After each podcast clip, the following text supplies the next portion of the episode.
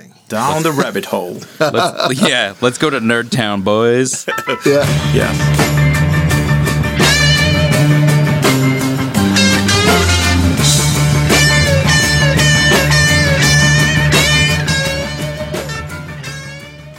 So, um, before we start today's show, we want to say thank you to our Patreon followers and, and, and the supporters and our listeners and the guys and gals who buys our coffee and mugs. Yeah. We So- got we got coffee mugs. Look at this. Oh yeah.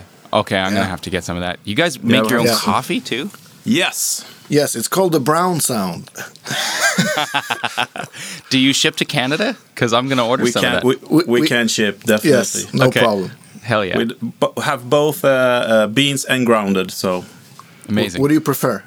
uh, just send me the beans. I got a I got a good grinder, so Perfect. I'm perfect. I'm almost as nerdy, almost as nerdy about coffee as I am about guitar. oh, cool. Yeah, comes hand in hand. Yeah. it does. The does. nerdiness. I think So, it's when you uh, just spend all your time uh, on your ass at home, pretending that you have a real job, that you, you just get into stupid stuff like uh, making Yeah. coffee. Anyway, sorry. It's, yeah. it's important. Yes. Or or maybe that you're really precious about things around you and you know. I prefer that narrative than to the one Yeah. that I spun. Yeah. Me too. Definitely. So uh, welcome to the Guitar Geeks podcast, and today we have Joey Landreth on here, Yeah. Hey. Woo. directly from Winnipeg, right? That's right. Oh, yeah. That's right. Where are you at now? You're in the studio or? I'm in the studio. Yeah, I um, uh, I moved my home studio out of my home and into a studio studio. Yeah. So um, this is that's where I am here. I'm in the B room of my friend Paul Yee's studio, and uh, Nice. this was a rehearsal space for a long time. Also, fun fact: this is uh, the v- the very studio that I I first ever recorded my own music in. So I, I was in a I Oh, was in a band uh, uh, pretty much right out of high school called Little Boy Boom, which is such a bad band name, but you know, there you, you just you have to have a couple. That's were why, young. Yeah, yeah, that's right. You're That- that's why I- I'll never uh, like when my brother and I were coming up with our band name. We are like, let's just not do this. Like, let's let's just call ourselves the Landreth Yeah. Brothers. And Yeah. then uh, we thought, well, okay, we'll we'll put a tiny spin on it. So we put put it the Brothers Landreth, kind of like the Brothers Grimm. And Yeah. uh, but uh, anyway, our first demo um, that was sort of for commercial, well, att- intended originally for some com- for commercial release was recorded in here. So it's kind of cool to come back like like almost 20 years later to be working in here. It's pretty fun. Is it the same room? It's the exact same room. Yeah, yeah, yeah, absolutely. Oh, wow. It it looked a lot different because uh, you know the at the time you know Paul had. Uh, I mean, we were he was running Pro Tools, but he had a little tape machine in the corner. So it was just like f- instead of full of guitar shit, it was just full of uh, studio shit. So Yeah. anyways, yeah, so it's it's cool. It's a very special space, and the the, the story of it was that it was run by uh, uh, a couple here in town for a really long time under the name of Channels Recording, and they did a lot of you know they made a lot of records, but they also recorded a lot of things for film and TV and jingles and foley and stuff for movies. Uh, and they decided they wanted to get out of the business and. Paul found out that they were moving out, and so he he got in. Uh, it's coming up on the five year anniversary, and I've been in here since August. So yeah, it's a cool space, man. It's really cool. Cool. space. Awesome. So did that uh, recording uh, hit the shelf sort of, or hit Spotify or something like that? No, it never did. It never did. Uh, we uh, we didn't. We just didn't know what we were doing back then, and it was obviously it was a very different time. Uh, Yeah. There was no Spotify. There was no. The only thing there was was MySpace, and Mm-hmm. you know we made this demo thinking like, okay, we're going to release it. Wait, how do you release music? Okay, well then we're gonna we're gonna go and take this recording and and it's gonna get us gigs. Wait, how do you get gigs? you know, so it's like it was kind of uh, it was it was in a time right before the do it yourself like the Yeah. DIY Yeah. music industry, which which I'm very much a part of now and absolutely love. But yeah, it was just a it was a funny time. So we we end up making these recordings and just basically um, handing out burnt CDs after our shows and uh, gave them to our families as well. So they they didn't that's really. awesome. Yeah, I'll try and dig them up and maybe put them out at some point. It would be kind of fun. But Yeah. So on that note, as you said, you're now you're on your own, uh, making you know making all the decisions, and you also run a small label, right? Yep. Where you have other artists. So uh, do you have more understanding of the industry now and, and hate it how they, they treated you before, or do you understand why they treated you like like they did before? Uh, you know, if you see the question. yeah, yeah, for sure. I, I think it it's it's really really uh, it's a hard question to answer because I mean, Yeah. I, yes, I do understand the industry on a much larger level now. I mean, I still there are certain things that I definitely let other people do. Um, Yeah. You know, on on my team of folks, um, but uh, um, I think it's it's easy to feel disenfranchised by the music industry, and um, the thing that I love the most about this do-it-yourself is that you you you don't have to answer to anybody anymore, and so you know um, even in the early days of the Brothers Landreth, when you know when we started shopping our music around and trying to find label partners, we just had all these people come back and say like, yeah, it's it's good. You guys are good. The songs are good. The playing is good, but um, but what do we call it? And we were like, well, I don't, I don't know. That isn't that your job? To figure out what to call it. And uh, um, and we, you know, and we had people saying like, okay, well, we we want it. We love this record, but it's too clean. Like it sounds like a Steely Dan record. We want to, we, we you know, uh, lo-fi and and sort of gritty sounds are really in right now. So we Yeah. want to re-record the record or remix it. And it was just like. You know, I get it. I love that. Like the, you know, the Black Keys were really big at the time, Yeah, yeah. and you know that kind of thing. But just wasn't who we were. It was like I just can't imagine like, you know, there's certain songs on the record that I'm like, what like what do you even do? Put like put distortion on the vocal and and I don't know, like reamp stuff through little tiny amps. It's just it's not going to Yeah. work. It's like that's not what this No, it's, record not, is. it's not played that way either. No, exactly. Kinda, no. So so we we ran into a lot of that in the early days, and we wound up partnering with a small label out of Texas um, called Slate Creek Records, and they they were they're t- you know two two guys who just love music, and the one the one fellow, the president of the company, is this guy named Garth Fundis, who is like. Um, an absolute legend in the Nashville sort of country scene. He he produced Trisha Yearwood and like uh, Sugarland and all these massive bands from like the sort of you, oh I don't um oh god why am I forgetting his name uh Don not Campbell Don ah, it's escaping me. Anyways, these massive, massive country artists, and Yeah. he just kind of came to us and said, "Really love the record, really love the music. Uh, we'd like to put it out for you." And it was like, "Wait, you don't you don't want us to remix it or or re-record things or or do this or do that?" Like, no, we'll take it as is. Like, Perfect. great, let's do it. And that was kind of our introduction into um, into what the industry was going to start looking like moving forward. And you know, from that point on, we toured really hard. the The record did so much better than we ever imagined it would have. Um, then I released my solo record. We took a break from the road. I released my solo record, and I partnered with a different label. And that's and that's kind of when it it it's became pretty clear that okay the the way the industry works is you know and and this is not speaking disparagingly of this other label that I signed with it just wasn't the same experience I didn't have necessarily um uh, uh, the same kind of champions at the label. And actually that's not true. I did. I had I had two two people who were working really hard for me at that label but they ended up leaving.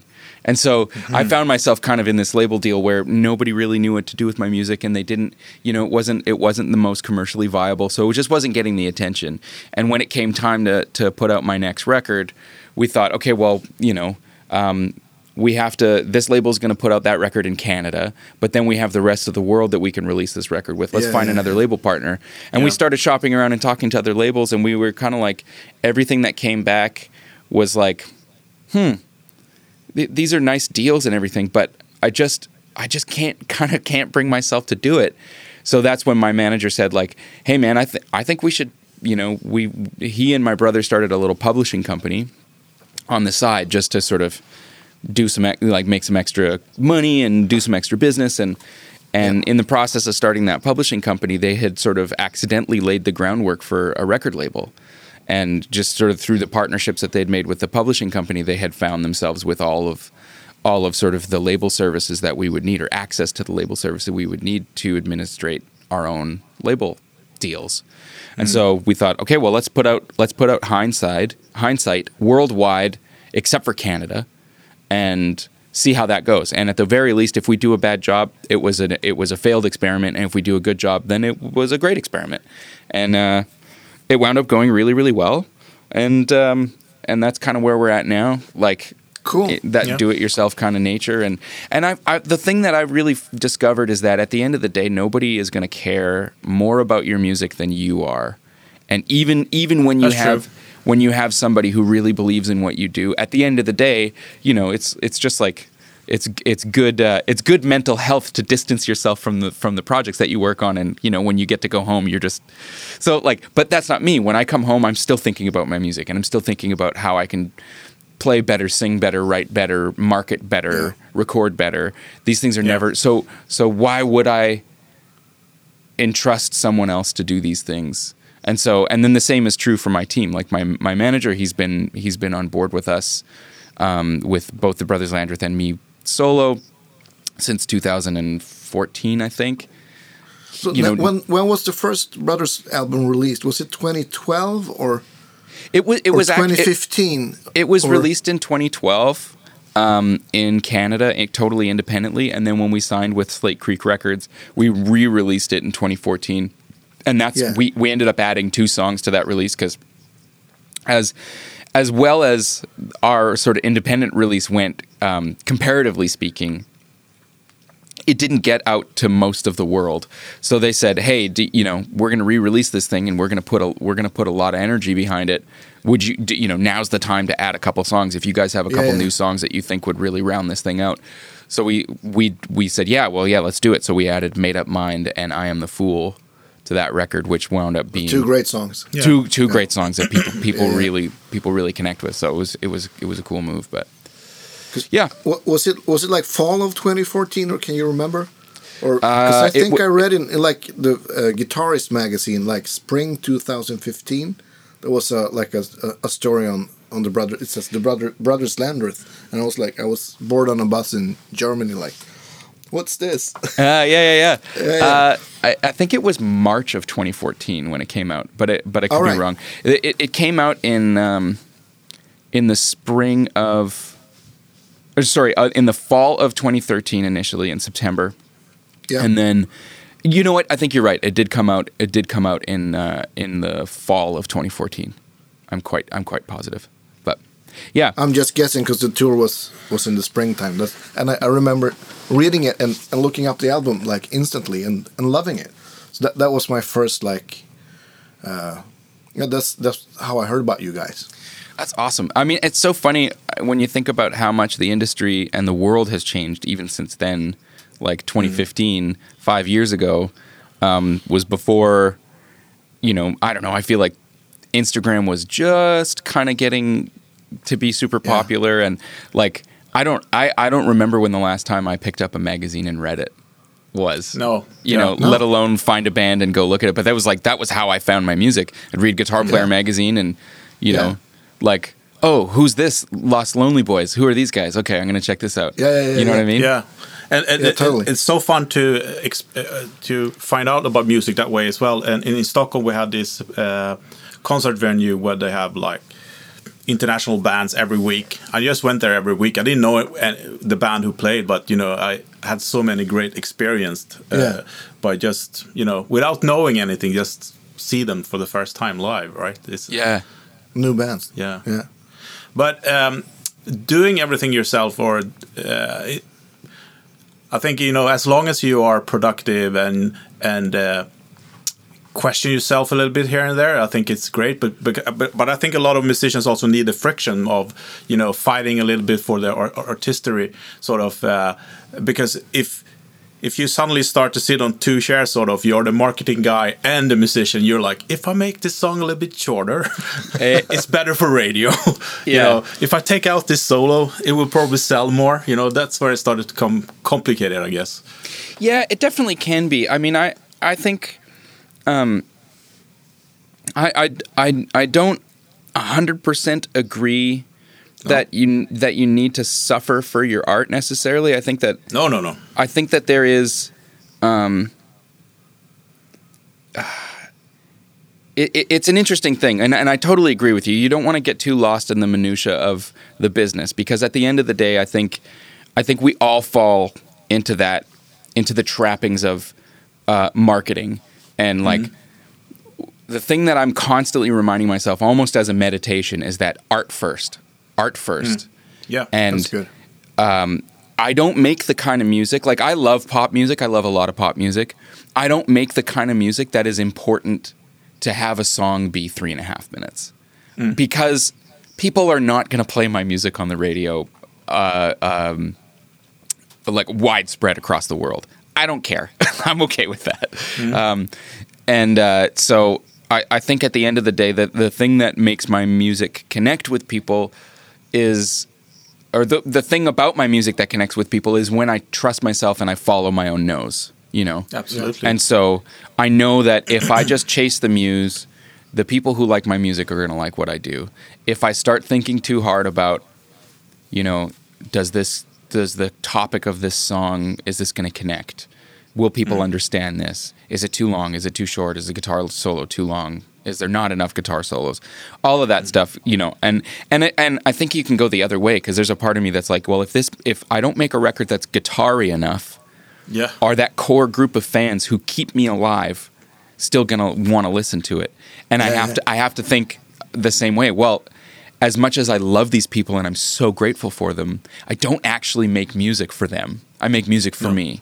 And so um, i have to trust that as long as i'm making music for me it's going to connect with people whether there's lots of guitar solos or no guitar solos or it's four you know, th- uh, three minutes and 45 seconds long, or it's eight minutes long. Like, I have to kind of trust that process. So there's, there's a part of me that, like, as I'm uh, questioning these sort of these marketing ideas or even interacting with the people at the label when people are going hey we'd love to see you posting more about this and i'm going okay i appreciate this however it's really important for me to speak with my voice Yeah. Yeah. and so uh, I'll take your advice and I'll find a way to follow your advice while still keep maintaining my own integrity. You know, things like that. Um, Yeah. I mean, not And that, you do, and you do it well. Thank you, thank you. I appreciate it. And, and I, I mean, I want to clarify. It's not like people are breathing down my neck at the label, going like, "You go sell, sell, sell." It's not like that at all. That- and that's and that's why we've started our own label. But like when when I'm having conversations like, how do we push the business forward? The thing in the back of my mind is always like, how do I push the business forward while still feeling good about what I'm doing? You know. Yeah. Yeah. Um, and it's the same thing with with brand partnerships for me too. Like this, that we live in a world where um, you you just accept everything. You know, somebody goes, "Hey, I like your guitar playing. Can I send you a pedal?" Yeah, sure. I'd love to try it. Oh, hey, uh, how did you like that pedal? Can you post about it? Uh, yeah, I liked it. I didn't I didn't love it, but I I mean, I guess I owe you now. And like those kind of things, you have to. I also have to feel like I I also have to think about that and go like, is does this piece of gear actually connect with who I am as a musician? Because yeah, when yeah. I when I post about something on my Instagram, it's I, I feel like you know I know my my followers trust me not to spoon feed them horse shit. So Yeah. Yeah. if I'm sitting there going like, "Hey, I uh, my name's Joey Landreth and I really love the uh, uh, anti-static record brush made by Concept." Uh, this is a paid advertisement. You know, you know I where lo- you heard it first. yeah, that's right. Uh, I, I lose all credibility, right? Oh, so yeah, it's totally. important to me to make sure that um, that I'm able to do that even e- within brand partnerships like that. So you know, in my younger days, I definitely accepted everything that came across the table. Of course. you know, somebody course. say, "Hey, we'd love to give you something for free, or we'd love to offer this to you for super cheap," and you know, uh, for the first couple years of of my sort of career as it as it built to that place was like yes uh, yes yes thank you yes. Yeah. um, but now I'm I'm finding myself saying no to a lot more stuff just just because it goes you know I appreciate all the hard work that you've put into your product but I know that it's not going to be for me.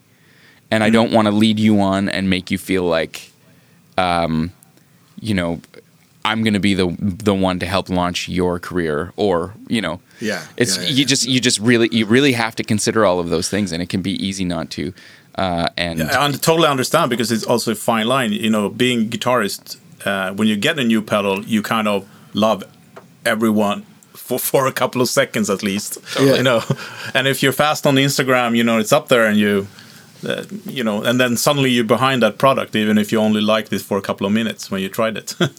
Yeah, absolutely. And I've found myself in that position where I've I've sort of represented a thing or two, and then Yeah. I, I still, you know, and go, well, yeah, I have one, but I never use it. Yeah. And well, so how do you feel about it? Like, well, I have one and I never use it. yeah. and uh, you know, I don't know, but it, it's an interesting thing because I think um, what a lot of people maybe uh, don't understand is like, I don't have the money to buy all this shit.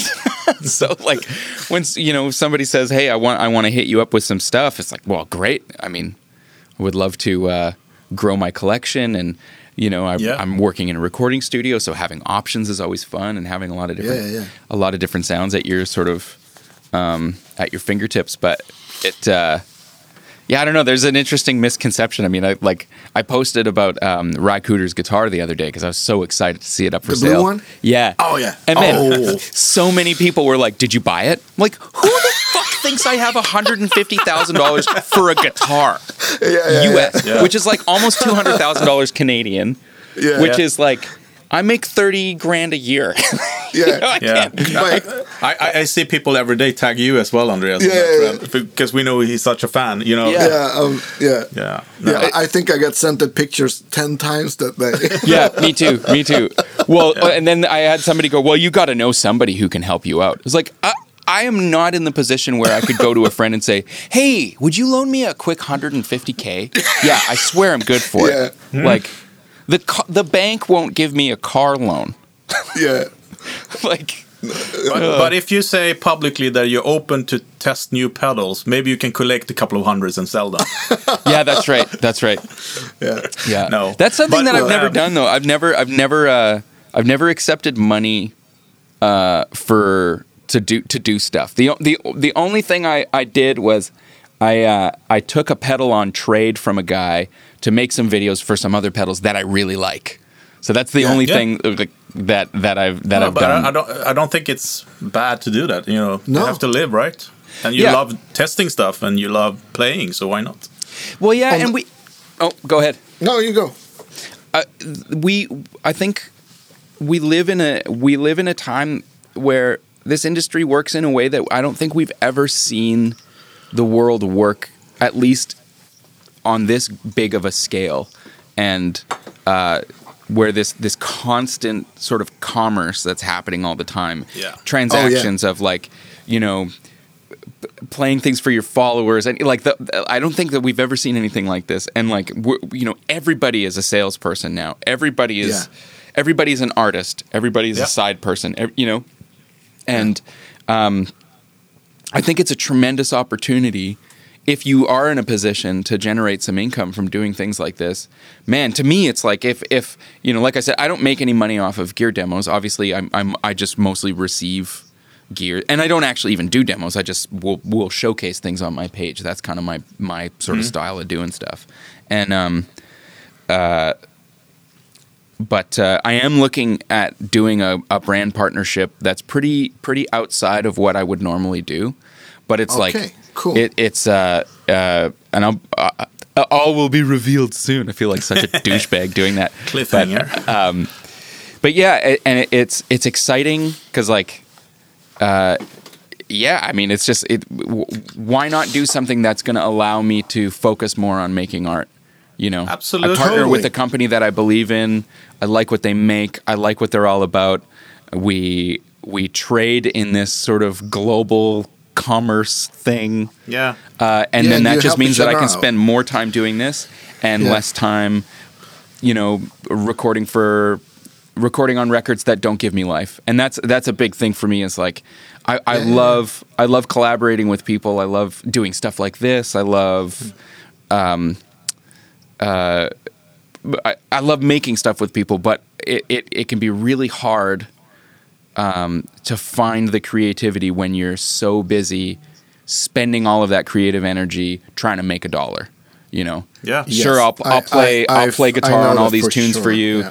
and here's my rate. And by the time you get through recording that record or that demo or whatever, I don't want to play anymore. You know, No, Like, you want to watch Netflix. I want to watch Netflix. I want to hang out with my wife. I want to Yeah. clean up the studio, whatever. So Yeah. to me, it's all about like I'm just trying to create as many little streams of income so that I can focus on the thing that I love the most, which is playing guitar and writing songs. I, I think this is a good segue for. Sorry, I, it's on a board. So, can we talk a bit about this guy? yes, absolutely. I, I, I have I, I got the Golden Boy on, on my latest board here. So Your how did boy. that come come about? Uh, the Golden Boy was born out of. Um, I mean, I've I've had a friendship with Brad Jackson from Jackson Ampworks and Jackson Audio for quite a number of years, um, three or four years now. And initially, I had collaborated a tiny bit on his compressor pedal that they, the Bloom that they made. The Bloom, yeah. Mm-hmm. um, offered an idea or two on that pedal. I mean, I, I I certainly didn't take part in any of the design, but I just sort of said, "Hey, why don't you try this? Why don't you try this?" Because they wanted to do something kind of like the uh, the the dual 1176 sort of Lowell George sound. Thing, so he yeah. sort of said, you know, give me give me some ideas for how you would run this. And so I I, I collaborated a tiny amount on that, and then um, uh, he sent me the Broken Arrow, which is Yeah. basically Yeah. the the exact same um, platform as the Golden Boy, but it's based on a variety of different tube screamer circuits. Um, And I was really impressed with the pedal, um, but I'm just not a tube screamer guy. So it was like all of the flexibility, all of the different options, um, but the the the sort of just the circuit itself is just not something that lights me up. I've got a ton of different tube screamer var- varieties, including a, a including a quite a valuable um, vintage one, and Yeah. they just don't fit. It just doesn't fit in what I do. So. Um, I, I sort of said, I love this thing. I love everything about it. And tonally, it's pretty great. But you know what would really put it over the the top for me is if it was a blues breaker circuit instead of instead of um, a tube screamer. And he was like, "Man, I I could do that. That's that's not hard to do. Like the it would just mean redesigning this portion of the circuit board and, and Yeah. you know tweaking it a little bit. And so we we sort of borrowed a bunch of ideas from um, some other folks that have done. So you know, like there's there's flavors of King of Tone, there's flavors of Timmy in there. Um, there's even flavors of like kind of a tube screamer sort of hybrid, and then and Yeah. then there's a mode that it's is kind of uh, Brad's sort of original take on it. Um, so that that was kind of what it what it was for me. Like I love gadgets, I love MIDI, I love all of that stuff. Like being able to get into the sort of uh, uh, the real nerdy shit, making presets. I love that stuff. So sort of said Yeah, like and yeah, that's the we- cool thing about it too. That it's you can switch the clipping modes and on and off and stuff. And gain, MIDI. sta- gain amount and volume amount. Yeah, and the the gain staging thing blew me away when I first used it on the Broken Arrow. Like being able to kind of, Uh, because I'm not I'm not a guy that loves to stack a bunch of overdrive pedals. Like I like. I like a sort of main drive sound and maybe a little bit of a Klon style boost, but I don't I don't want four or five different drive pedals on my board. I, I, I find that oftentimes when I have run boards like that, I wind up just using one and Yeah. and then cleaning it up with my volume knob. So to be able to do that gain cycling thing Yeah. and th- and add in um, volume control and tone control, sort of the ways that you can you can um, uh, what's the word I'm looking for? You can interact with the tone just with the controls on your guitar. Yeah. Just make Yeah. a bajillion different sounds with that pedal. So Yeah, and you can flip the the have the boost after the drive or before. That makes a big difference too for yeah, for sounds too. yeah, yeah, for sure. So And uh, we, sp- we we spoke to Josh Schmidt the other day um, about, and we blamed him for a couple of trends out there. You know, like small compact pedal boards. Uh, what, what more? Uh, yeah, a lot of things, but we kind of have to blame you for the blues breaker circuit being popular again. Okay, John Mayer was maybe the first one, but you actually put it on the map again. The blues Well, breaker circuit. I mean, what a what a tremendous honor. I think I think it's such a great circuit, and I mean, I I have, I've got a King of Tone. I've got um, Zach from Mythos has made Yeah. um, Yeah. the what what was it called? I think it's I think it's uh, the Herculean. I think that was the one.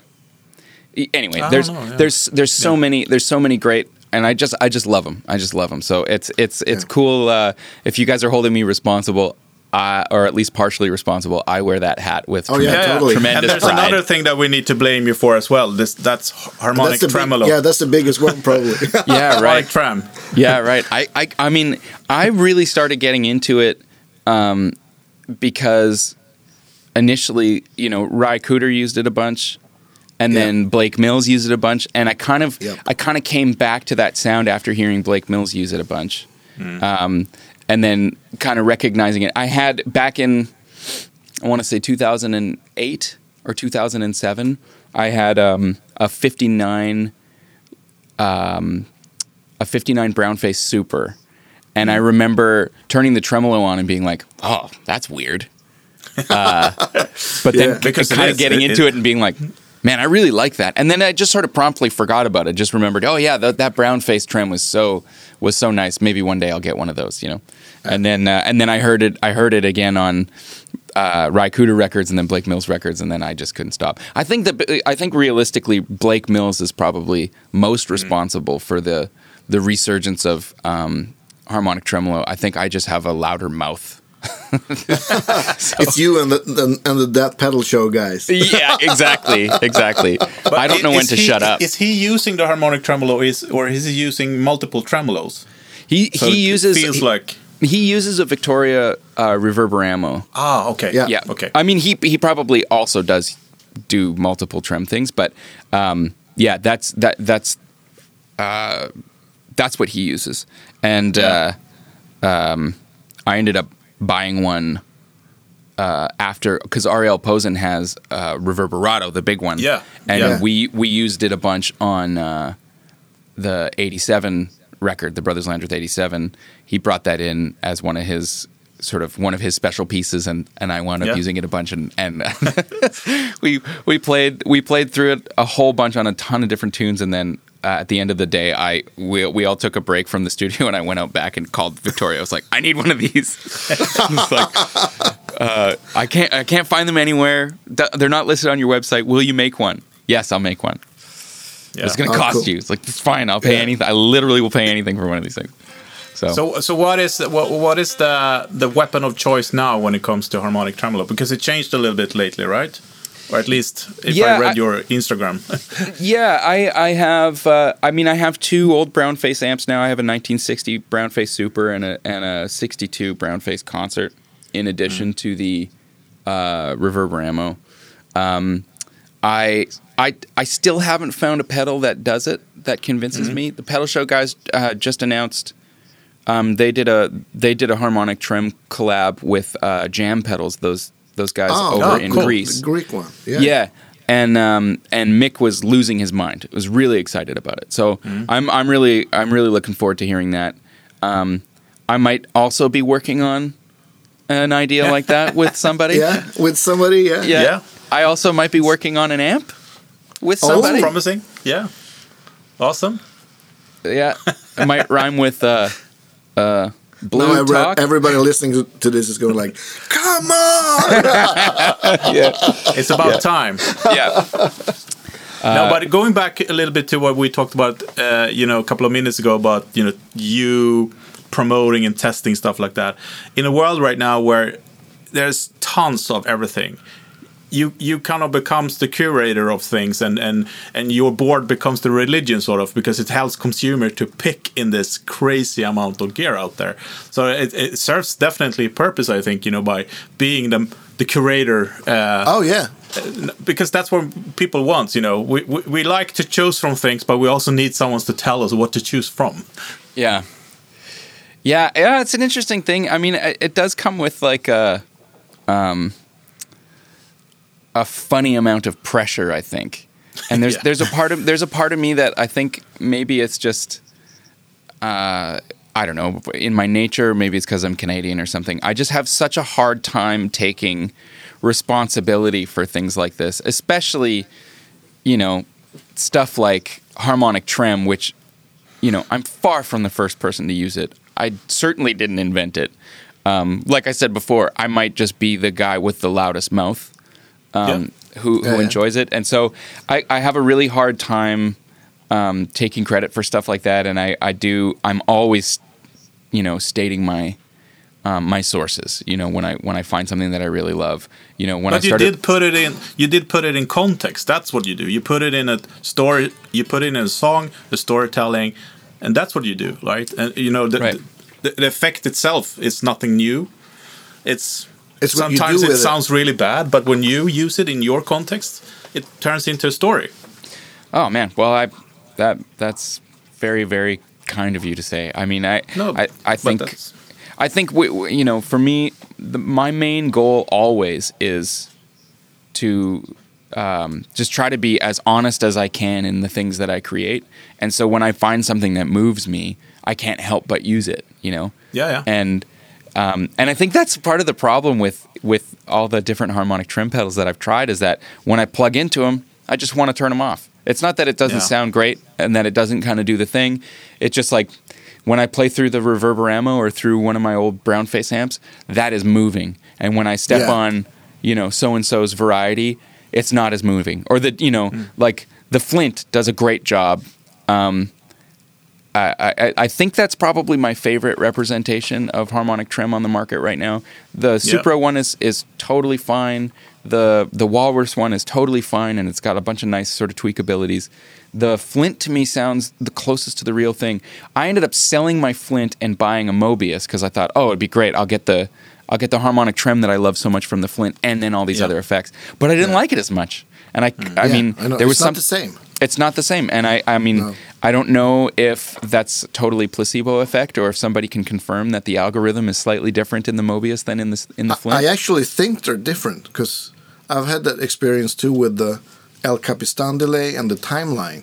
yeah oh man the El cap is such a great pedal holy shit Yeah. but But isn't, yeah i- isn't that isn't that due to the power are are like spread over multiple things in the big pedal, and wha- was the power is just focusing on one thing in the small pedal? Yeah, could be. yeah, could know. be could be i don't know i don't totally. know anything about like computer chips or shit like that so No, me neither. Nothing. maybe somebody maybe somebody who's smarter can uh, can chime in on that. But yeah, so I mean, I think um, uh, yeah, if, to just sort of to wrap up that topic, I think for me it's just it's always about um, what what do I find moving and what makes me want to play, what makes me want to sing, what makes me want to write.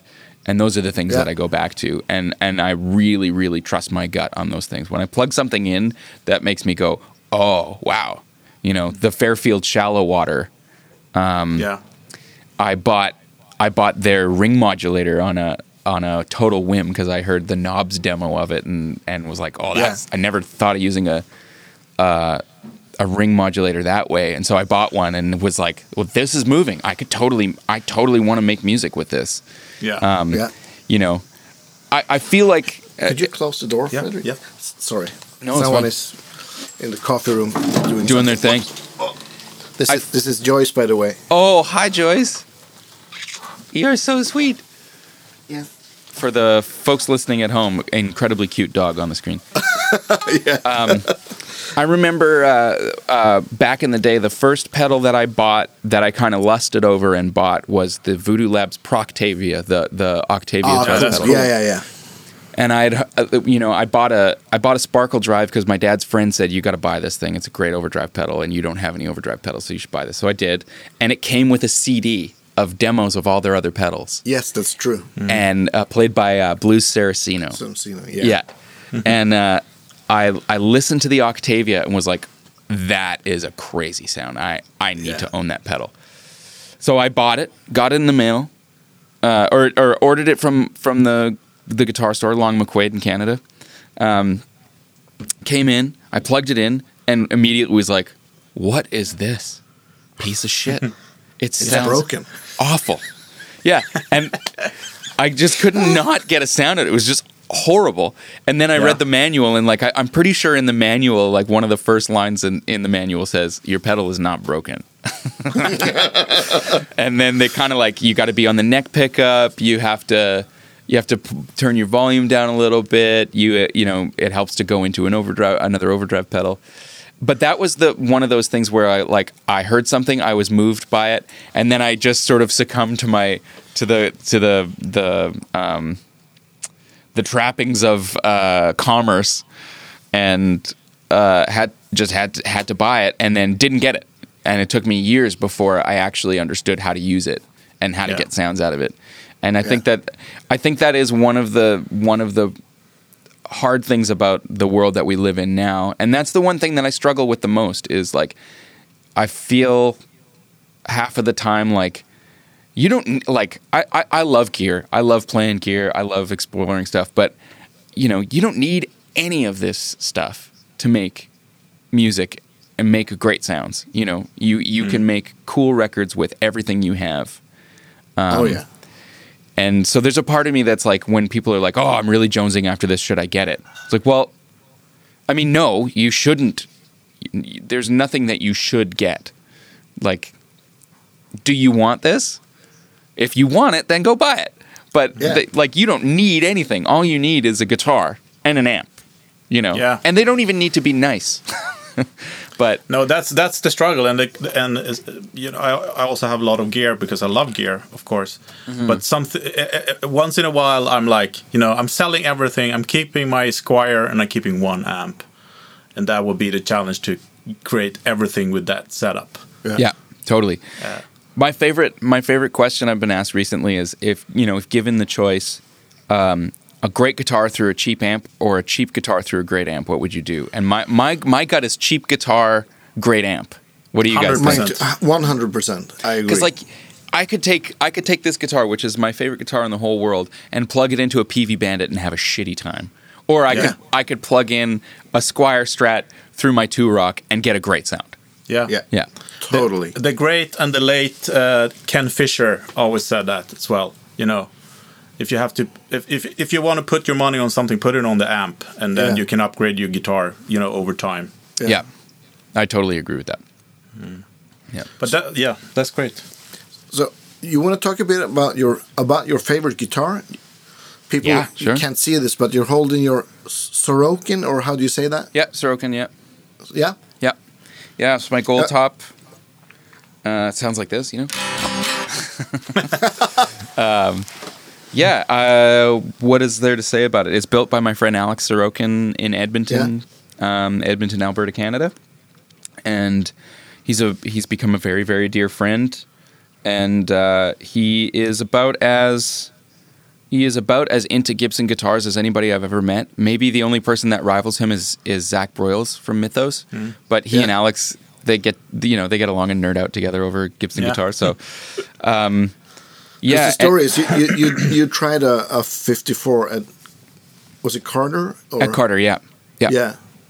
yeah, And, and, I, blew I, you I- away, or yeah, it just it it knocked my socks off, and I I pretty much immediately messaged him because I had played one of Alex's guitars in a um, in a shop in Edmonton when I was through there on tour, and uh, and Stang Guitars is the name of the store, um, which I I'm pretty sure is the only retailer you can buy Alex's guitars through, um, and uh, he had one of his Les Paul Junior style um, guitars, and I I I went in and said, "Hey, what's the coolest guitar to test pedals with? I want to I want to pick I want to pick up a fuzz pedal or something." I was just had the day off and was shopping, and uh, they handed me that thing, and I I was so blown away by it, and I thought it was vintage. I, I legitimately thought it was old until uh, I I asked the guy, "So, oh, what year is this?" And he was like, uh, 2017. And I looked at the headstock and was like, "Holy shit! It's not it's not a real it's not a real vintage guitar." Um, so he and I got in touch, and I just sort of said, "Man, this is a great guitar, and love it," and um, and uh, went on my merry way. And then about a year later, I I sort of came across that um, that 54 at, at Carter's, and and I messaged Alex and said, you know, what uh, what would it take? To get you to build one of these for me, and he, he said, "Well, I don't take orders. I'm not really interested in building guitars for people, but it just so happens that um, I've really been getting into your music lately, and also um, I've never built an all gold uh, LP yet, and Yeah. uh, and it's on my list of things that I really want to do. So you you couldn't have asked at a at a better time. If you'd asked Perfect. a month or two before or a month or two after, I probably would say no, said no. But let's do it. So and that's the story. And and uh, about a year later, what was it five days after my birthday i got it. Yeah. um, he finished Cool. it he totally unbeknownst to him he finished it on my birthday. Texted me on my birthday's june 15th he texted me and said hey guitar's finished. I was like no shit. Happy birthday to me. And uh, we were we were supposed to where we were playing with the winnipeg symphony orchestra. We were playing a big show with them on the 20th and it was totally sold out. We had no tickets left. We we or we had very few tickets left. And I said to Alex like how like how quickly can you get this guitar here? I got this big show. And he was like, "Well, there's no way, man. I can't get it there in 2 days." And I was like, "Well, what if I what if I fly you to Winnipeg then and get, you know, bring you bring you in for the show?" Yeah. So we we managed to find some tickets, flew Awesome. him in, uh, and he his flight was delayed, and literally his his taxi pulled up to the back of the venue right as we were about to go on stage for sound check. Like a movie. Yeah. like literally, you can't. It, this was perfect. You can't. You cannot write this. And uh, so I look at it. It's amazing. I strap it on. We we uh, uh, start sound check, and I haven't put it put it down since. And it was like I played the whole Oh, show that's on it. Awesome. You know, which is I think uh, is is fun because people are like I can't believe you played such a big show on a brand new guitar. It was like that's how good this thing was. You know, I Oh, just that's awesome. I just didn't want to put it down, and I haven't put it down since. But I know, I know your dad and you have been working on the on the bridge, right? Is Yeah. that on that guitar or some some other guitar? It's on this guitar. Yeah. Well, Yeah. A- A- Alex and I, um, we tried a bunch of things to get it to intonate, and there's just something about I think partially, partially the tuning and partially the string gauges, but the but the intonation is just impossible. Um, I mean, the imp- intonation on a rap tail is impossible to begin with. Yeah. Yeah. Uh, and that's just something that I mean, I, you know, it's universally understood that rap tails sound significantly better than Tune-o-matics, but they're significantly more troublesome. And a bunch of people have tried to find solutions for it. And uh, you know, I bought a, compens- a compensated bridge. Um, or, or no, Alex sent me a compensated bridge. It made the intonation worse because just I think be- because of the string gauge and the tuning, it just doesn't doesn't work Oh yeah. Oh yeah, it was made for standard tuning. standard tuning and on um, uh, Thin- you know thinner plain G versus yeah the yeah plain G versus Yeah, wound G, yeah. and then all that you know. But the what I noticed was like on all of my guitars that had adjustable bridges, the intonation curve looked the same, and and so I thought, okay, well then there's there's something in what I'm doing that is throwing this whole process off, and so uh, Alex and I hunted around for, pardon me, for folks to build build us something. And my dad and I worked up a prototype and took some measurements. And we still have a few tweaks to make to it because it's still not quite quite there but it's it's as close as as it's ever been so you know it's it, it's never played that in tune and there's still there's still some problems with the low E string that's where it kind of wanders out as you get closer to the 12th fret which I think is just part of the deal like Yeah. y- Yeah, you yeah, there's a part of the sound. And- It and is part of Isn't the that sound. like a Gibson thing too? The shorter scale length. That that's at least what I found with with I got two Les Pauls, Pauls, and they kind of, especially on the low strings, the higher I get, they the worse the tuning is actually. Yeah, I I, mean, know. maybe it is the the scale length. I think just just by virtue of what it is, um, like the instrument itself, it, you're never going to get it to play uniformly. Like you'd you'd each string would have to have its own frets in Mm. order to actually have them intonate properly. like True Temperament. Yeah, yeah, yeah. Yeah, Have you seen that True Temperament? The, yeah. It's actually a yeah Swedish invention. oh no way! Well, good Yeah. for you guys. it looks uh, super strange, but feels kind of good to play. Yeah, yeah, yeah. Yeah, it. I mean, it, it's a wild thing, and I, I, I mean, I, I, for me, it's one of those things that once I once I started to hear it, I can't really unhear it, and so Oh. I find that my my ears gravitate toward the natural harmonics a little bit more than Yeah. you know having everything be perfectly even. So Yeah. I mean, there are a few things that you can do, like you can you can um, you can sort of mess with the third string a little bit in terms of its intonation. I actually tend to tune Yeah. it more toward Low. the fifth, Or you can just Yeah. use harmonic tremolo. or you could just use harmonic tremolo and a lot of fuzz, and nobody can tell. Yeah. Yeah, No, but, do you tu- do you tune uh, the the third string? Do you tune it lower a little bit? Yeah, yeah, a tiny, Yeah. tiny bit. I tune it to the fifth. So instead of uh, now it's out. So I'll tune it tune it to the fifth. Yeah. Yeah, that low E string kind of wanders out.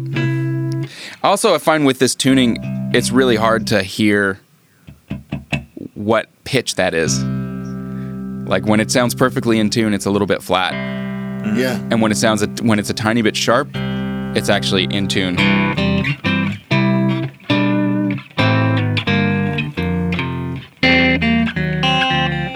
Anyway, it's it like w- w- you get it to play in tune somewhere, and then it's fucked somewhere else.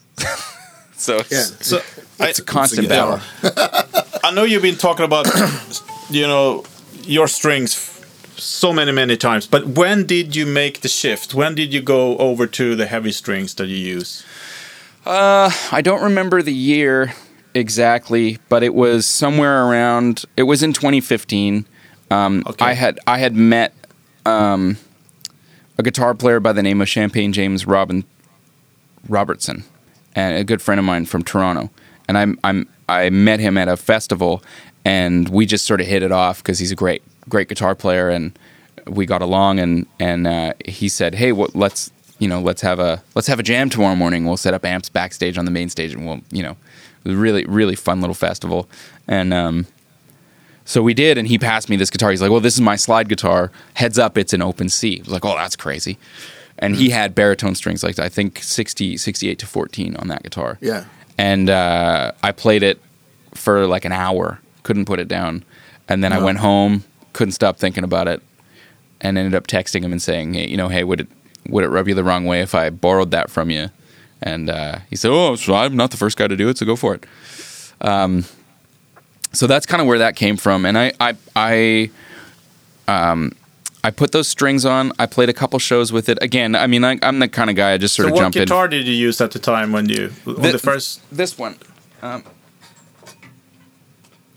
this was the first one. The my my sort of Coodercaster Yeah, yeah, Yeah, yeah. yeah. ish thing. Gold foils. Yeah. gold foils. Yeah, not not a not a true Coodercaster, but uh, yeah. yeah. And we were on tour. We were playing sort of the Northeast uh, in the U.S.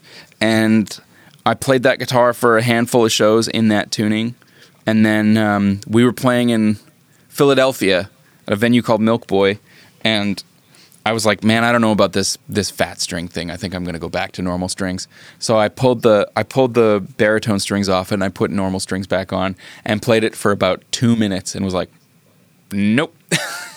took, the, took the regular strings back on, back off, put the fat strings back on, and then I'm pretty much haven't looked back since then. Um, Yeah.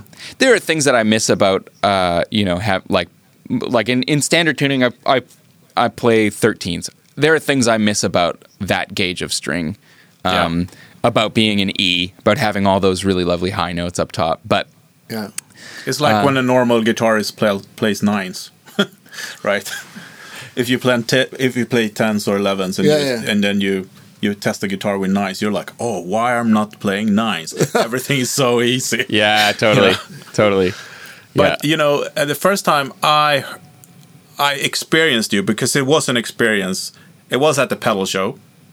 I was that late for me, but I I not only experienced you and your music, I also experienced the Collings and the harmonic harmonic tremolo at once, And the low C tuning. and the low C tunings and the fat strings. So it was kind of a shock, a good shock. yeah, right. But it, it wasn't amazing because I, you know, I was not into that music that much uh, at the time, but I'm now definitely in love with it. But it was so nice to hear all that stuff in, in context because I only heard it separately, sort of. And I've never heard it that way. Uh, and also the Collings guitars. I mean, you played that. Are you still playing Collings or? Yeah. Oh, yeah. Yeah. I still have Yeah. that. I still have that guitar. I, uh, um, my dad is using it at the moment. Um, but uh, yeah, I mean that's that's still uh, hands down the like one of the nicest guitars that I own, Yeah, um, and it still gets a lot of love. So that is an no no guitar. love lost for that for the for the I That's thirty good. five. No. Yeah. Yeah. Yeah.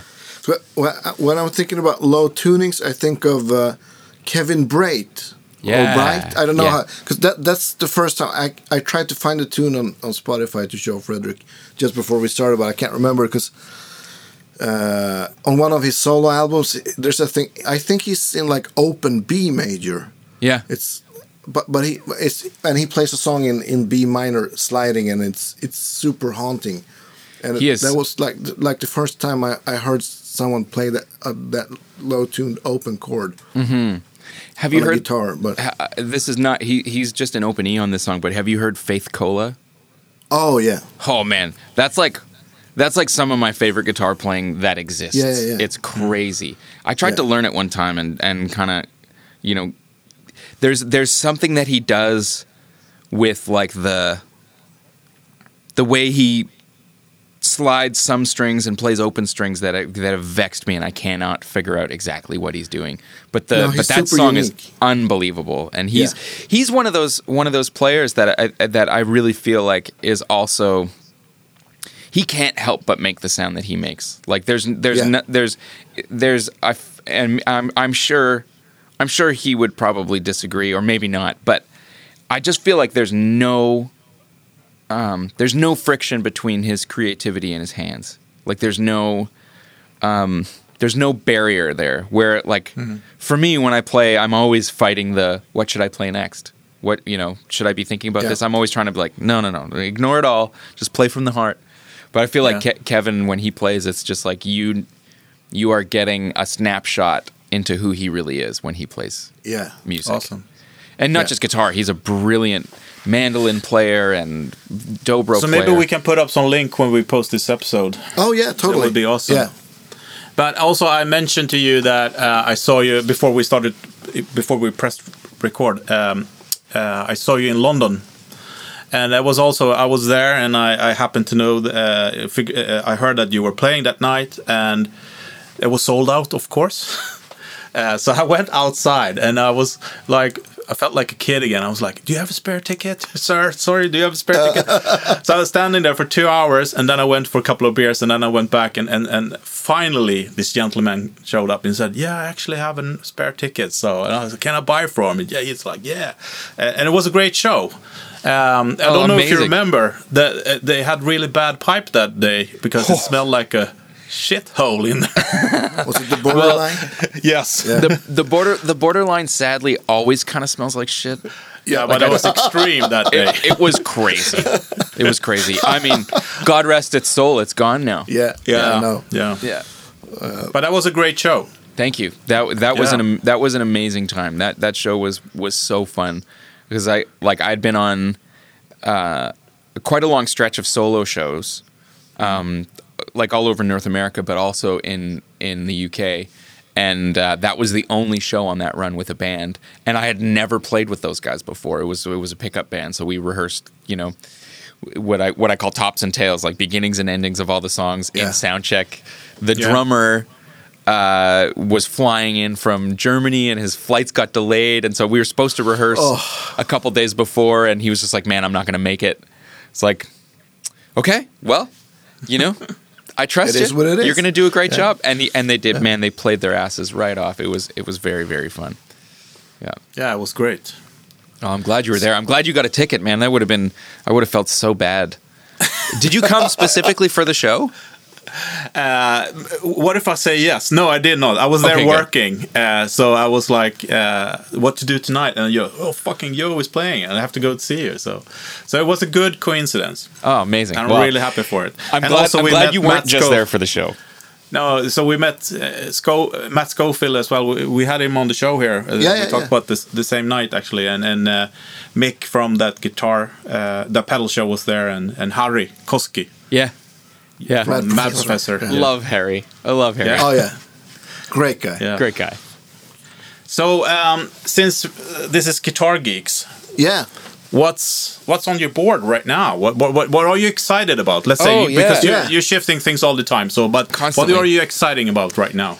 Well, um, I uh, I'm actually just building. I mean, it, it's funny because you know throughout my career, my my board usually lasts about six months to a year. It's like Yeah. this is what I'm playing for this album cycle. These are the sounds that I need. Here are my presets. Everything's you know. Um, but because there's been no shows, like my my pedal board this year, I've built so many pedal boards, Yeah.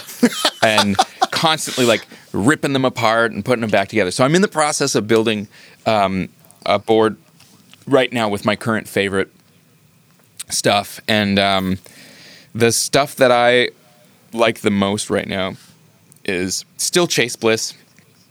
Yeah. So this new board has the Thermae, the Mood, and the Tonal Recall on it. Um, That's kind of the, del- the the delay and wobbly section. Um, the um, 29 pedals EUNA, which is like kind of an input stage buffer thing. Yeah. How is that? Oh man, it's so good. It's it. it Oh, I- I- cool. you know, I've asked Jesse, the guy who makes them, a, a number of different times. Like, so uh, what does this thing do? And then uh, he proceeds to talk about science, and then uh, I don't understand any of it.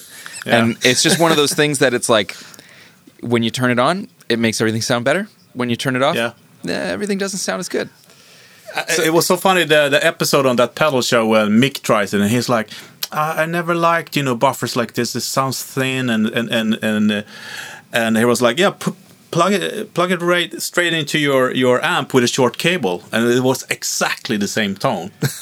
you know, because Yeah. it's it's it's Oh, I haven't seen that dealing with the impedance. That's what it does. So Yeah. Oh, cool. uh, so Yeah. Dan was like, "Yes, the same sound. Your amp sounds like that if you take away the pedals. Yeah. you know, Yeah, yeah, it's, all the it- cables. It is crazy. It does. It does bring a clarity. Like I've I've never been a big fan of like you know a, an abundance of top end, but it's just Yeah. like it is one of those things that when you when you turn it off, I miss it. The the Mm. catch is that it doesn't play well with fuzz pedals because it's a buffer. So, but, but it got his- a loop right for that. It's got it's got a loop. So that's kind of Yeah. his response to it is you when you turn the pedal off, it activates the loop. yeah, So um, you can put fuzz pedals, wah pedals, whatever you want. So on my current board, I have that's that's what starts is the EUNA, and then it goes into an R2R electric um, treble booster of all things, uh, which I kind of a range master, I guess, is is kind of what it is. But the um, I have it sort of set on the fattest sound, um, going into uh, the R2R wah, which is his vintage wah, which is so good Um, and then um, the Fairfield Electric uh, Electronics Fair- Fairfield Circuitry Shallow Water, and then that goes into the Chase Bliss stuff in a tuner. That's kind of that's kind of my main thing. Oh, and then I also I got um, uh, I got one of the um, the Chase Bliss Meris uh, CXM 1978 reverb pedals oh, Oh, and- cool. and then I run that as an insert on uh, in my recording rig. So so everything, my amp, my cabinet is in the booth, and then all the mic, all the mics off the cab go into the CXM 1978. So awesome. yeah, it's it's pretty pretty great sounding. So no switcher now. Not not at the moment. Um, No? Just just because I'm not really playing. Uh, I'm not playing any shows, so I, I'm Yeah. I, I don't really need. Um, I don't need the presets and No. and because everything is changing so much. Like I find when I'm building something with a with a switcher, it t- it tends to be pretty permanent. Yeah. Um, Yeah. and uh, and just because everything's changing so much, I did get um, one of those the the Morton modular pedal boards, which I'm really excited about because it's basically I built the the board the way I want it, and then there's a, a tray that you can add onto the front to put your switcher in, and then just wire your switcher in. Oh, so. Um, I mean, it's still you know you'd still have to rebuild it and run all the cables and shit, but uh, but it's a little bit you know friendlier than um, than a big old big old board build. So yeah, that's that's kind of what I'm using a lot these days. I, I think Fairfield Circuitry is probably my favorite pedal company of the year. That's for sure. I Yeah. I, I Yeah. really love everything that he makes. Like they're very very interesting, very unique. Um, I bought uh, he's um, he's got a fuzz pedal that's killer called the Unpleasant Surprise. Um, just a great good name. great name for a pedal.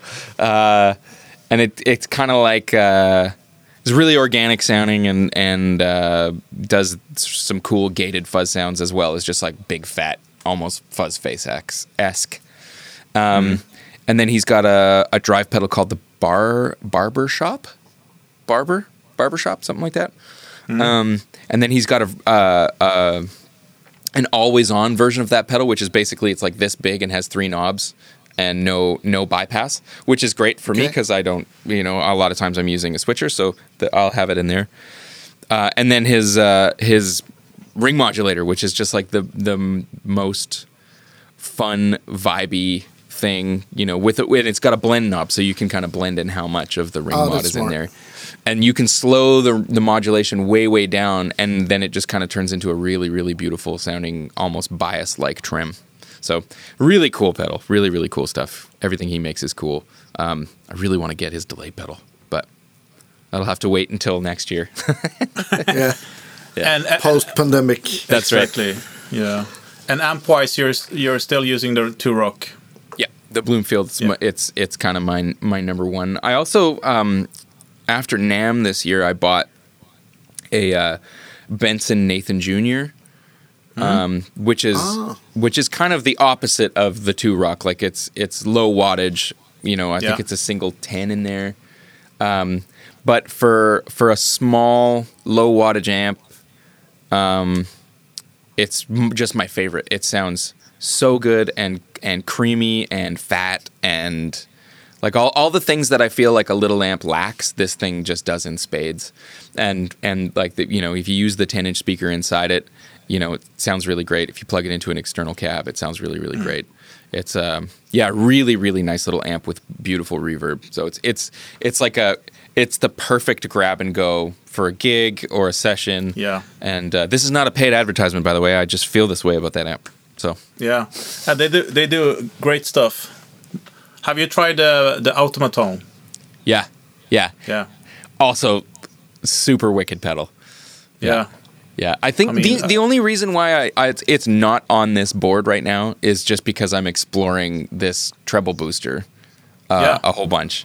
But I I love uh, whatever the preamp Mark II, I guess is it's the official name. But yeah, I love that thing. The drive circuit is killer.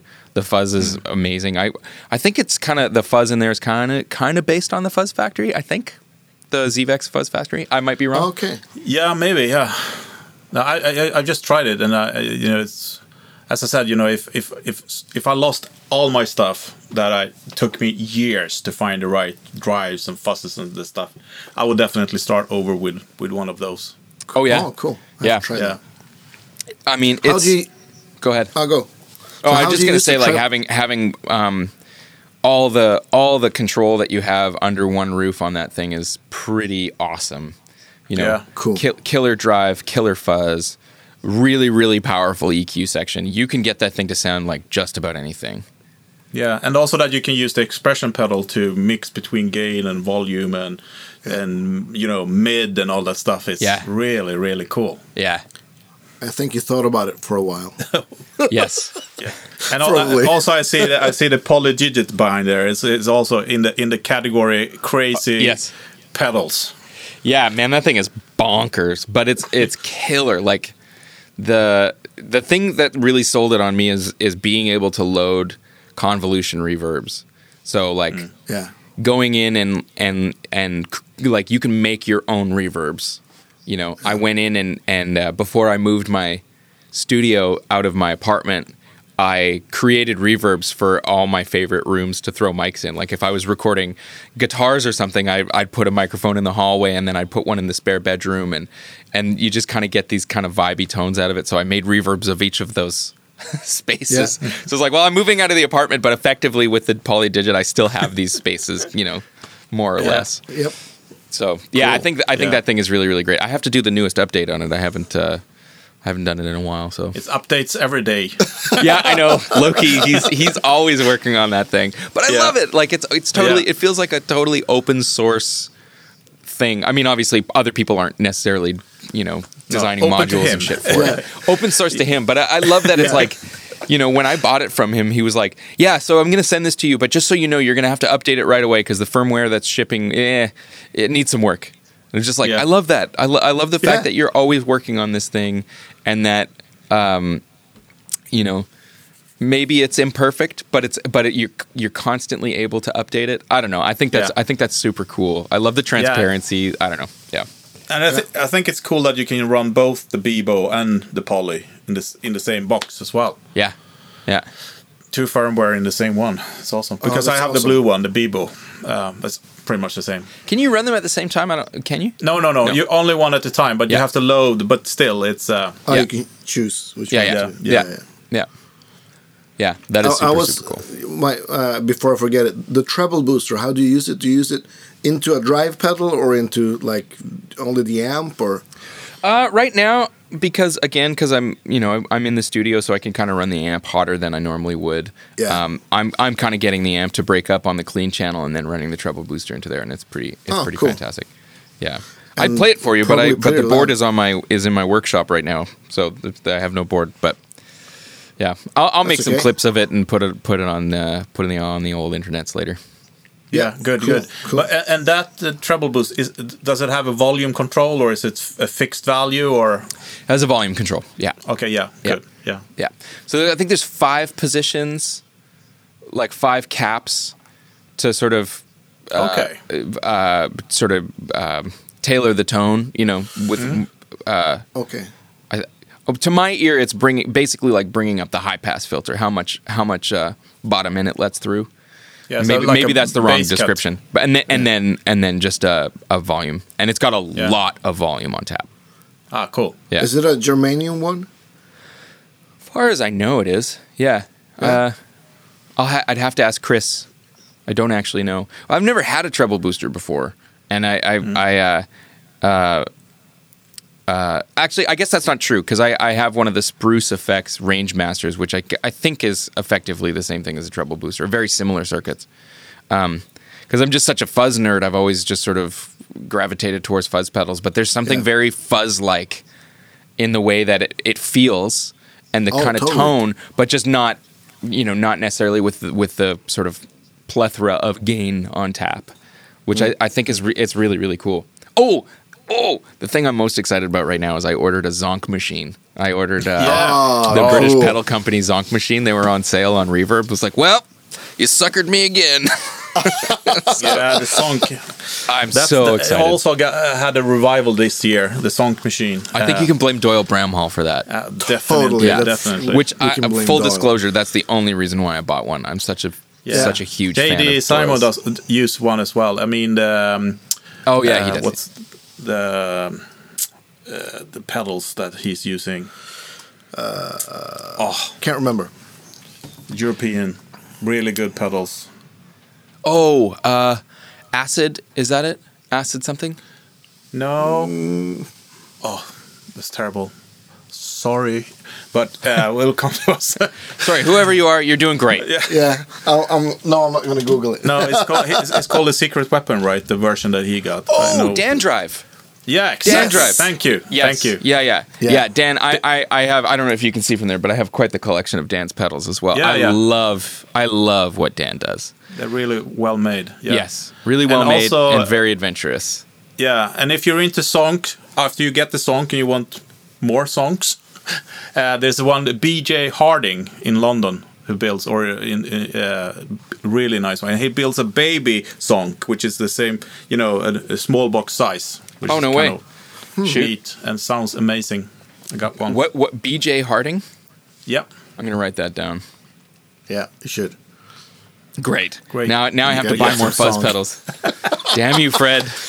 Yeah. Yeah. You can always say one more. What's they say? Fu- fu- fuss is all you need. All you need is fuss. Oh yeah, totally. Yes. So I, you you I guys agree. just released some new music too, right? yes. Just the other day. yeah. Yeah. We put out. So uh, how did that come about? so uh, I got a. I, it was it was very funny. I open up my Instagram one day and I see I have a message from Cat Stevens, and I was just like, "Well, that's a weird day." When Cat Stevens Yeah. sends you a message, and it, it turned out it wasn't actually um, uh, Yusuf, uh, which is his Yeah. which is his chosen name, or I guess was his first name. I don't. I, I'm not sure, but Yusuf. Yeah. Uh, uh, it was his one of his one of the people who works at his management company said, "Hey, you know, we're doing this thing celebrating the music of uh, of Yusuf, and we are doing a tribute to his new, or uh, we're doing a tribute to Tea for the Tillerman, which is you know his, his you know arguably his his big record, you know, and um, and uh, we'd love to you know see if you guys wanted to be a part of it." and so that's kind of how that came about. And I was like, yes, of course, of course, I want to take part in this. So it was. Yeah. I think originally the idea, you know, before COVID, was to have a a festival and bring a bunch of artists in and uh, showcase a bunch of artists. And and one part of the thing for them was they they they reached out to a lot of big name people, but then they also reached out to a lot of you know smaller folks like like us and and and other people as well. So it was really cool. It was v- like super inclusive. You know, I mean, I think like I mean Dave Matthews did one.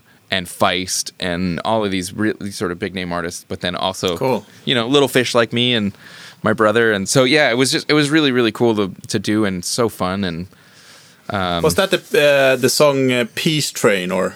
yeah yeah Yeah, so funny because I, I heard it before I came here and I was cooking Yeah. and I was like, B string? Are they are they singing about the B string? B string, B string. on a B string. that was actually the original right lyric, yeah. but uh, you know, uh, it was a rewrite. exactly. yeah, sorry. But uh, so when you when you record uh, acoustic guitar like that tune, or what did you use for for that tune? Uh, so I'm currently in. It's not mine. I don't own it, but uh, I have. I'm on loan from Collings. I have an OM1, which is an unbelievable guitar that I don't deserve to have in my collection at the moment. Um, and I'm going to do everything I can to hang on to it for as long as I can because it's beautiful. Um, but uh, yeah, so that's what I played on that. Um, Murray, our who is the guy who produced our produces has produced all of our records except for one of mine. Um, he played with us as well. He's using a Larrivee, and then my brother was playing. I think he was playing a Mulan, or was he playing his Duesenberg? I don't remember. Maybe it's Duesenberg. I don't remember. Yeah. Um, but uh, yeah, and then our uh, the engineer, my m- the the guy who I rent this space from, we recorded it in in, in the big room in the in Okay, Studio cool. A, and so he he engineered all of it, and we we were rehearsing. We we had sort of gone through the tunes during the day, and then we popped into the next room to kind of get in place, and we were just running the the songs down. And Paul, the engineer, who's also a fabulous musician, great bass player, who's played in my band a bunch, and he and I have played together over the years. Um, he just kind of walked into the room and was like, I think this is exactly where you guys should sit. It sounds really, really good right here. So he just sort of said, you know, don't move for the next 15 minutes. And we sort of sat put, and he just started to put microphones around us. And he went back and forth between the control room and the and the live room and tweaked a few Yeah. things. And it, it it's just it came together in such a nice way and so organic. So it was really, really fun. And I think that like, you know, we did three or four takes of the song. It was just, it was so fun. You know, I don't know. It's a really, really fun way to make music, and you know, also very vulnerable because there's no, there's no editing. There's no, No. No. you you gotta you gotta play you gotta play well or do another take, and so yeah, Yeah. Yeah, it was a killer bass playing on that. Tell your brother that as well. Oh, It's yeah. awesome Yeah. bass playing. I'll pass that on. Yeah, he's a Yeah. he's a monster bass player, man. I think a lot of pe- a lot of people don't notice because his playing is so uh, understated, but he he just does the most melodic shit. And like every now and then, he'll just be he'll be playing something, and then this really like Yeah. and you're just like, oh, that was nice. And then Yeah. and then you listen back to it, and you're like, what was that? That's the craziest shit ever. Uh, yeah, I love his bass playing. So, Oh, ha- have you guys played since you were kids Uh, together? Yeah, yeah, pretty much. Like, I mean, I, I was uh, I was addicted to music from a really young age, from like three, four years old. And my brother was always always loved music, but he didn't um, he didn't really turn to it like as a profession until uh, he was maybe in his late teens, early twenties, kind of like out of high school. Went on a went backpacking through um, Europe and came back and was like, I want to be a musician. And and that's kind of but so we we did play in bands together when we were kids. We played in my dad's band, and he he did a lot of touring in indie bands, and I played in a lot of country bands. And so our paths didn't really cross um, a ton as adults and, until we started our band, and then obviously now we're we're pretty inseparable. But um, yeah, in in the younger days, y- yes, we did play together a lot. Yeah. Cool. So, so what have you been up to since well, this COVID thing hit? Have you been doing like recording, writing new materials or material, or Yeah. what have you been up to? yeah, there's there's been a like uh, there's been a lot of a lot of writing, a lot of creative sort of projects. We started working on a th- our third record with the brothers, Cool. and um, that's that's slow going. Right now we're in we're in like code red lockdown, so we had to put Yeah. we had to press pause on on the recording because it, it just we're uh, just want to be responsible. So we're uh, um, Good call. Yeah, we're we're not we're not working on it at the moment, which is kind of tough. Which is also giving me the opportunity to get back to work on the Lowell George thing that I started almost three years Oh ago. yeah, so, but yeah, so there's been lots of create, creative projects and writing and and uh, I don't know, man. It's like uh, like now, um, at this point, I haven't been on the road. Um, I haven't been on tour in over a year. Like the last the last thing we did was um, the last official thing we did was in February, right before the first lockdown hit, and then Yeah. in in the early summer we we played like a socially distant concert. It was supposed to be a drive-in thing, but they wound up like cordoning people off, and it just was like, man, this is not how I want to do it, and it doesn't feel safe. Like I don't want I don't want to play I don't want to play at an event and then find out that fucking somebody caught it and died or got really sick or whatever. Oh, I just like yeah. I I don't want to be responsible for that. So we kind of said, okay, that's it. We're not we're not going to do anything until until we know for sure it's safe to get back to work. So um yeah, but it's like I haven't been home off the road in this long like ever in like since I yeah. was since before I before I started going on the road when, when I was around 16, 15, 16 years old. So it's Yeah, like it's the same for me. yeah, it's it's crazy. But you know what I'm finding is like I really like being at home. Yeah, me too. like I, I'm never like I'm sure you're the same, Andy. But like I like I don't I don't want to stop touring, but I definitely am going to rethink the way I I I tour. You know. Yeah, I think a lot of us are. Yeah. Yeah. I mean, every every person we met on the podcast saying the same thing. You know, we need Yeah. to, you know, reimagine touring. Yeah, well, I, I think like certainly for me, I, I mean, I know so many so many people's experience are going to be different, and I, I mean, I, mm. I, I have I have people in my life that are struggling super hard through this. You know, like Yeah. be, being Yeah, yeah. isolated, and you know, I, I'm very fortunate. I live with my wife. We get along so well. Uh, I have this space that I can come to because this is not open to the public, so it's you know it's it's safe for me to come to work. Um, I'm very very fortunate, and it's I know this is not everybody's story, but this has really kind of this has kind of shown me that like um, uh, I've been putting all my eggs in one basket, sort of making my the sole part of my earning earning the sole part of my living from traveling, um, and it's you know you know we talked about like brand partnerships and stuff like that before, and Yeah. those are the kind of things where I'm like, well, I love this stuff. I love gear. I love pedals. I love coming up with ideas and doing it. And and if it makes me a little bit of money, that's amazing because then that means that like I don't have to necessarily um, constantly be thinking about okay, well, you know, I can't. I, I do really well in the UK. I can't tour in the UK two three times a year. But realistically, I need to be touring most of the year in order to earn my income. So okay, well, if I can't tour through the UK two three times a year, where else can I go? Well, I can do you know these parts of Europe. Okay, well, what else? Like that only cut, you know. So Yeah. you're always thinking about well, where are the other places I can go, and how can I break into new markets? And you break into a new market, and it's a massive investment, and you know, and it's hard work, and you know, you're starting from scratch in a lot of these places, and uh, um, it's it's really stressful. Like it's super super stressful to go out on the road in, in, in a region that you've never played in, rooms you've never played in, in some cases cultures that you've never experienced, and hmm. and on top of that, it costs you a million bucks, and on top of that, you don't make any money.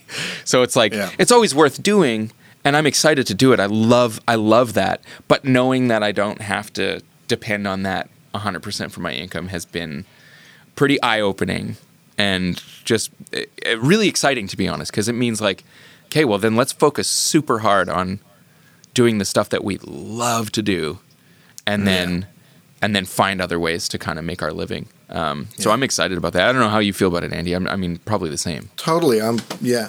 I've been rethinking a lot of how, how I've been working the last like 15, 18 years.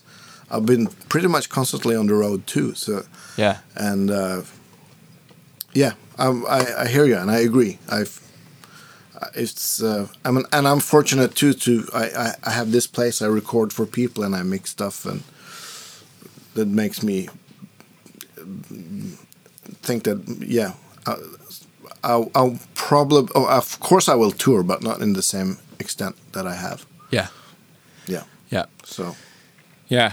Yeah, it's it, it's an it's an interesting thing. I never thought I would see the day where I was like, nah, let's do this a little less because I love man, I love being on the road. I just love it. oh me too I love everything about it the the It's only just thing new opportunities. Yeah, I think you it- should. it- it it's, is. it's just opportunities. You know. Yeah. and, and I, I really like your attitude that to like combine okay so now i haven't been able to play but i i can make money doing this and that can make me enjoy playing and doing my own thing or even more and being less stressed about maybe making all money from from gigs. Yeah, I think that's a I think that's a like that's a big thing because it's you know essentially when you're a musician you're a small business owner but you you're a small business owner that sells a very very very specific product mm. and in a very very specific way.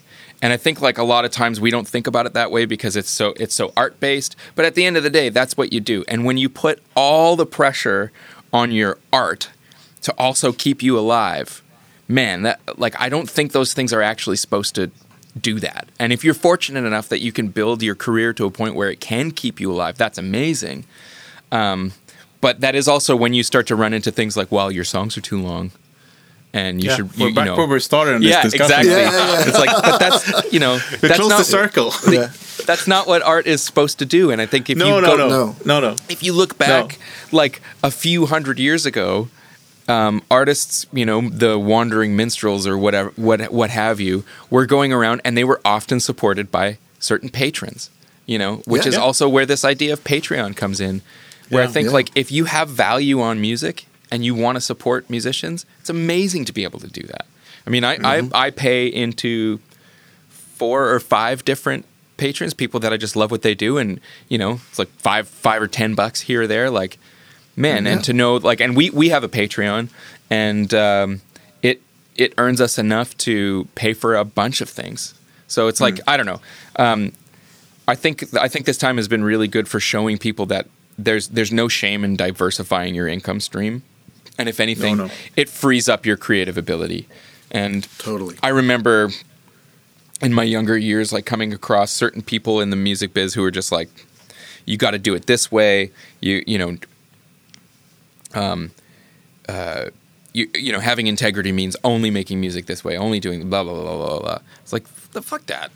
There's so many different ways to do this, and you know, if you're in a position, I'm very fortunate to be in the position that I'm in. I'm in I'm in a great deal of privilege to do what I do. Um, but if you know if people value what I think about gear and it's it's something that can help keep me alive, why not? Why not bring that into the business? Why not? I Yeah. mean, as long as you're transparent about it, and that's the thing is uh, that I always want to. I just want to make sure people know what's going on and they're they're not being tricked. So And You we know- love to see you do that stuff as well. oh so, yeah totally Uh, please don't stop. and now I- I everybody's can't. super curious about your future collabs or Yeah. ongoing Yeah. collabs well, there, there's stuff, there's some there's some fun stuff coming. Some some things will be announced very shortly, and some things are still in the works. But Ah, yeah. cool Amazing. yeah, So sh- should we should we do the the last question? Yeah, it's it's, it's your turn. I think It's my Yeah. turn since Yeah. I did it the last time. Oh, it's, oh, it's my okay. no, it's fine. I it, it is. It is. I think it's yours. Okay, okay, Yeah. I'll do it. Uh, so we had this question before. You know, it's uh, um, you know, what's the the guitar stuff? The the one guitar thing you save if if your house on fire because that, that was kind of a negative. So we said, you know, what is the last guitar related thing you will sell? the last guitar related thing I would sell. Yeah. Or the original question was the house is burning down. The house is burning down. What do you say? You can only say one. Pets and persons. They're already out. They're Excluded. They, already they out. made it. They made it. They're safe. Yeah, They made okay. it, yeah. they made it. Oh man, I hate that question. I mean, I have. I think I have to say my gold top. It's just. Uh, it's just so. It's so special to me. The story, my friendship with Alex, You know, Yeah. the whole the whole thing that that I mean, it it would be excruciating to grab one guitar and leave the rest. oh god. Yes. Oh, Uh, yeah. You know, but uh if yeah. The gold top and then and then my Hammond organ. Just throw that on, throw, throw that on the on my back. yeah, I've been, I've been looking at that. All 450 pounds of it. Yeah. yeah. It's worth the wait. Yeah, definitely. Yeah. Yes, it is. Yeah. Yeah, it's uh, when you taste the Hammond, you you can never go back, right? Yeah, yeah. It's Oh, like, it's so oh. true. It's so true. I made the mistake at the beginning of the pandemic. I bought a small Hammond. I bought an M3, which is like the baby B3, Yeah, yeah. yeah, yeah, yeah. and uh, I I fell in love with it. I did a bunch of modifications to it, and then I found one on sale uh, on Kijiji, which is like Craig Craigslist, uh, like our local eBay here uh, in Canada, and and this kid was selling his his C3 for like Yeah. a super cheap amount of money. Actually, originally just wanted to trade for an amp, but we settled on some cash. Uh, but it was in Calgary, so which is like a 15 hour drive from Winnipeg. But it was like, man, even with Definitely even with the worth it. price of gas, I'm still coming out on top. So I bought I bought that Cool. earlier this year, and now I have two Hammond organs. Yeah, I don't know if you toured with a Hammond organ, but you know when you live in in uh, with climate like we do, Canada and Sweden is kind of similar. Um, but uh, you have to preheat them when it's when they're cold. Yes, Because of the oil, yeah. Yeah, because and, and it's like you know first it's like a train, and then it becomes like a jet engine basically. It's like, yes, I love it. yeah. Yeah. Oh man, there's something very satisfying just the sound of starting a Hammond, like the Yeah, yeah, yeah, yeah, yeah. I love it. I'm Yeah. I'm in love with it. yeah. Uh, me but, too. but yeah, the gold top, the gold top, and and uh, and if you know if I if I had the spare manpower, then then the Hammond, and then the rest of the guitars. oh, and the Two-Rock, uh, the Yeah, vintage yeah, Fenders. Yeah. Yeah, yeah. Wait, can I bundle a few things together? Don't make me do this. Oh, it was great having you on the show. Oh, really yeah, thank appreciate you so much. Uh, Boys, you've thanks for been having uh, a lot of people have been asking for you, so we're Yeah. so happy to to do this. And and also, uh, you know, everyone says, tell him to come to Stockholm, Yeah, you should. Man, and we it- agree. It's you coming. need to come to Stockholm. It's coming, and it's yeah. I, I'm gonna hit you guys up because uh, I think we we've we've tried to get over there a couple times and had a, our our agent hasn't quite found the right person to partner with for a show. Okay, cool. So, um, uh, and uh, you know, the, every time we've reached out to somebody, they kind of come back with not a lot of interest. So I think maybe Hmm. we're just looking in the wrong places. So w- when when it comes time to get back on the road over there, I, I'll I will give you Yeah, guys a we'll call and, No and problem. get you to give me a hand connecting with some Yeah. with a venue. Yeah, because we know that you have a big audience over here. Oh, definitely. totally. Oh man, I and I can't tell you like how many times people have come to shows and you know Swedish folks have come to either Germany or Denmark to come and see me play Yeah. or see us play.